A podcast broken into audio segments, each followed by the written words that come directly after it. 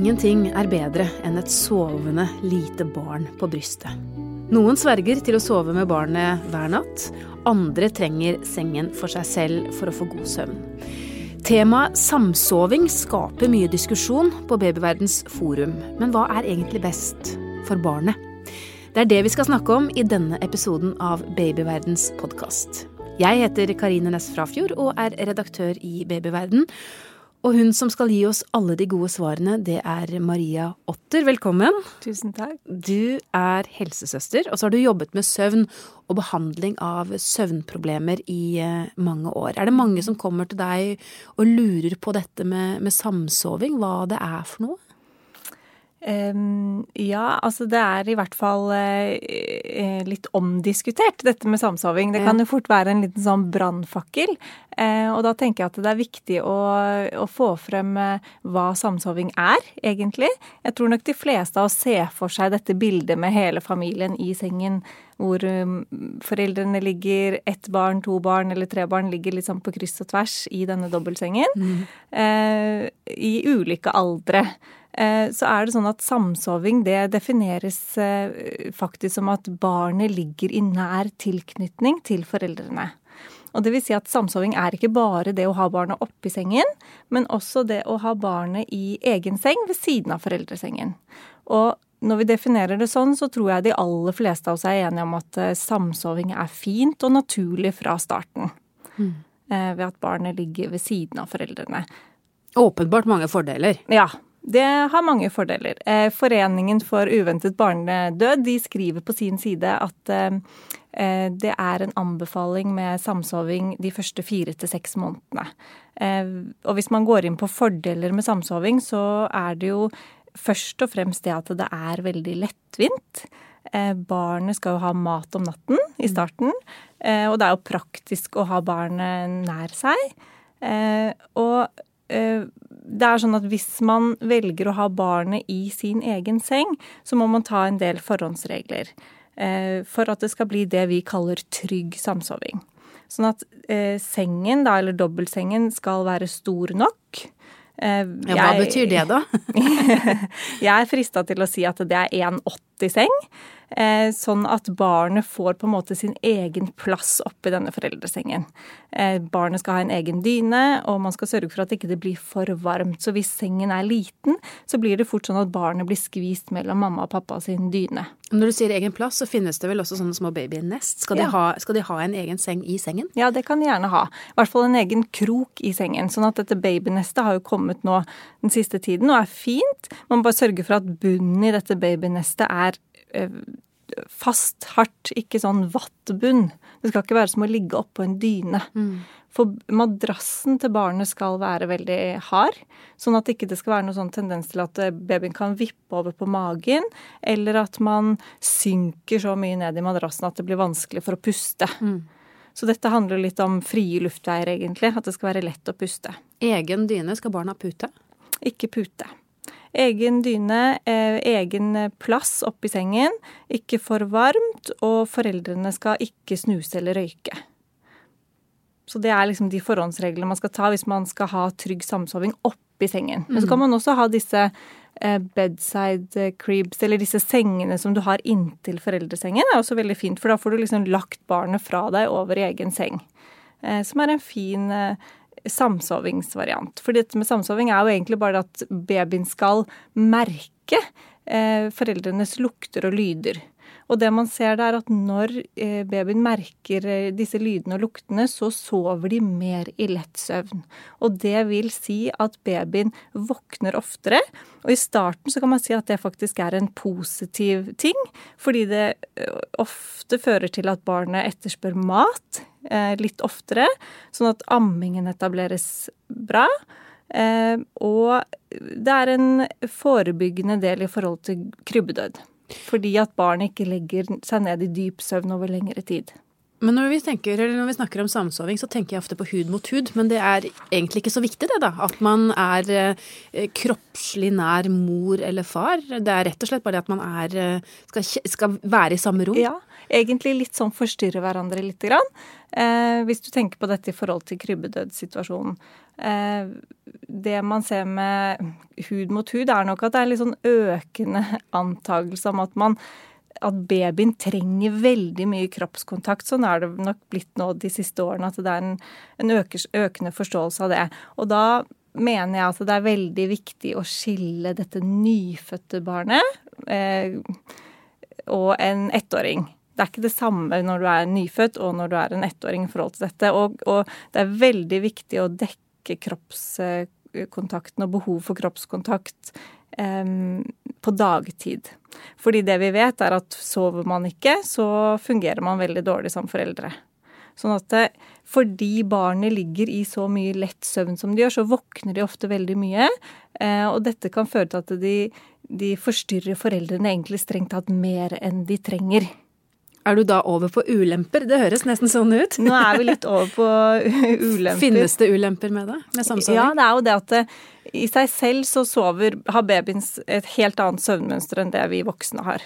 Eh, små babyer og barn, helt opp til skolestartalder, har et helt annet søvnmønster i den forstand at de de går fra eh, lett søvn og ned i dyp søvn opp i lett søvn i sånne bølgedaler med kanskje en halvtime imellom hver eh, syklus. Sånn at det, når de ligger i lett søvn, så beveger de seg, de eh, lager lyder, de kan gråte litt, og de forstyrrer foreldrene. Så veldig mange eh, sier egentlig ganske fra starten at å, jeg ligger bare og venter på at dette barnet skal våkne, for jeg hører babyen hele tiden. Så for noen så er faktisk samsoving forstyrrende og vanskelig helt fra starten av. Og Hvis dette skulle være etter at man kommer hjem fra sykehuset, så pleier jeg å anbefale at den ene forelderen ligger sammen med barnet, mens den andre legger seg på et annet rom. Hvordan gjør man det da når man skal amme? Da, hvis det er mamma da, som hører på babyen hele tiden og ikke får sove, så kan hun legge seg på et annet rom, og så kan pappa komme inn de gangene han tenker at nå er det tid for mat. Ja. Hver andre tredje time. Sånn at, eh, for det er jo veldig viktig å sove. Sånn at hvis man ikke sover i det hele tatt, så får man i hvert fall ikke til eh, amming, og man eh, fungerer ikke som forelder eh, på dagtid heller. Mm, mm. og det vi også ser ved samsoving, er jo at når barnet blir eldre, sånn at f.eks.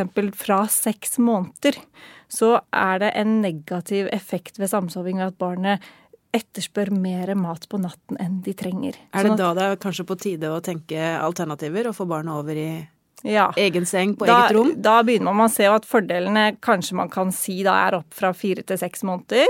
Eh, og man kan jo sette noen sånne milepæler. At de første seks til tolv ukene så sørger man for trygg samsoving. Eh, og så når barna har blitt tre måneder, så anbefaler jeg veldig at man legger barna i hvert fall i egen seng, og etablerer et leggerituale der hvor barnet legges før man selv legger seg. Det vil si at eh, jo eldre babyen blir i måneder, jo tidligere kommer leggingen. Det er en måte man kan Eh, gjøre en sånn gradvis overgang fra samsoving til det å klare å sovne selv i egen seng. Det skal vi snakke mer om, men aller først så skal vi ha noen få ord fra vår sponsor. Visste du at tidlig høytlesning, helt fra barnet er nyfødt, pangstarter språklæringen? Barn og babyer som blir lest for, utvikler språk og hjerne på en annen måte enn barn som ikke blir lest for. Godboken er bokklubben som tilbyr barnet ditt riktig bok til riktig tid, som engasjerer og bidrar til språkutviklingen. Se første bokpakke til barnet ditt på godboken.no. Vi snakker om eh, samsoving, et eh, tema som det er mye diskusjon rundt. Og vi har besøk av eh, helsesøster Maria Otter, som har jobbet veldig mye med søvn og søvnproblemer. Og vi skal vel ikke underslå det, Maria, at eh, foreldre kan få søvnproblemer av å ha små barn inne på, på rommet sitt? Ja, absolutt. Eh, det ser vi veldig ofte. Og det er jo sånn at eh, barn sover mye mer urolig enn det vi voksne gjør. Mm. Fordi de er mye mer oppe i lett søvn. Så det er klart at når de beveger seg og sparker og, og lager lyder, så våkner man veldig lett. Så etter at man ikke trenger å gi mat til babyen på natten lenger, så er det ofte en fin tid å putte barna i egen seng, inn på eget rom. Og da er de sånn ca. seks til ni måneder gamle? Ja, det er en fin alder.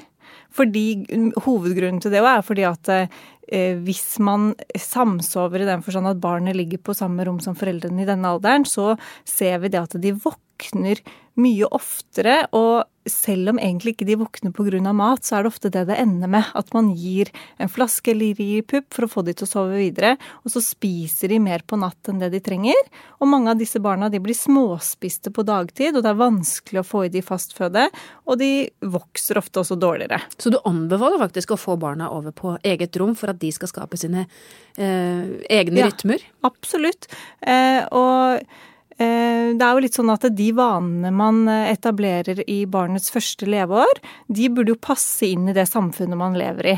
Så det er noe med at eh, hvis man har på en måte lagd et, en strategi for barna at de trenger å ligge inntil mamma eller eh, foreldrene, da, så kan det være vanskelig på sikt når man skal ha barnevakt eller de skal sove borte, eller at man må liksom planlegge litt og tenke er det sånn her Eh, det fungerer for barnet senere. Så det å, å lage vaner som passer eh, når barna blir større, det er jo veldig lurt. Men vi som foreldre vi syns kanskje det er så vanskelig, da. Tenker at det er tryggere for barnet å være inntil meg eh, som forelder så lenge som mulig. Ja. Eh, det er nok det som er hovedgrunnen også til at mange samsover ganske lenge i dag. Det er nettopp det at det er slitsomt å gjøre en endring. Eh, og samtidig så har man ofte dårlig samvittighet. Eh, kanskje, man, kanskje barna har begynt i barnehagen og man er mye på jobb og har liten tid sammen med barnet. Og så tenker man litt sånn at ok, man kompenserer med å være sammen med barn og sove inntil. Mm. Og det er for så vidt greit hvis man tar et sånn bevisst valg uh, over det, og tenker at dette er noe jeg som forelder har bestemt, og vi sover best sånn. Så for all del er det kjempefint, men veldig ofte så ser vi at det er én i den sengen som sover dårlig. Og det kan være enten mamma eller eh, partneren eller barnet. Skal ikke underslå heller at de voksne kanskje trenger litt tid for seg selv, etter å ha vært eh, i den babybobla noen uker og måneder? Nei, det tror jeg absolutt.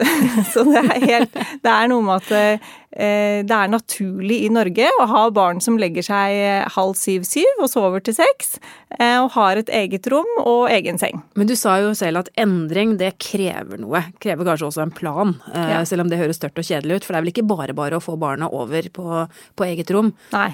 Eh, de gjør det, og, og, det er her på en måte veiledninger kommer inn. Det er veldig lurt å spørre om råd enten på helsestasjonen eller eh, andre, sånn at man får satt opp en, en, plan. Det som jeg pleier å anbefale, er at man starter med en dagplan. Så at man har noen sånne milepæler. Eh, det er liksom de første tre månedene av, av, av barnets liv. Da er det veldig kaotisk, og så over tre måneder så kan man begynne å etablere leggerutiner. Barnet skiller ut melatonin, og man, eh, man kan få til eh, en sånn tolvtimers natt og en tolvtimers dag, selv om barnet skal ha mat på natten. Hva betyr det at barnet skiller ut melatonin? Da etablerer de en døgnrytme, for melatonin er et søvnhormon. Sånn at da skjønner de forskjell på natt og dag.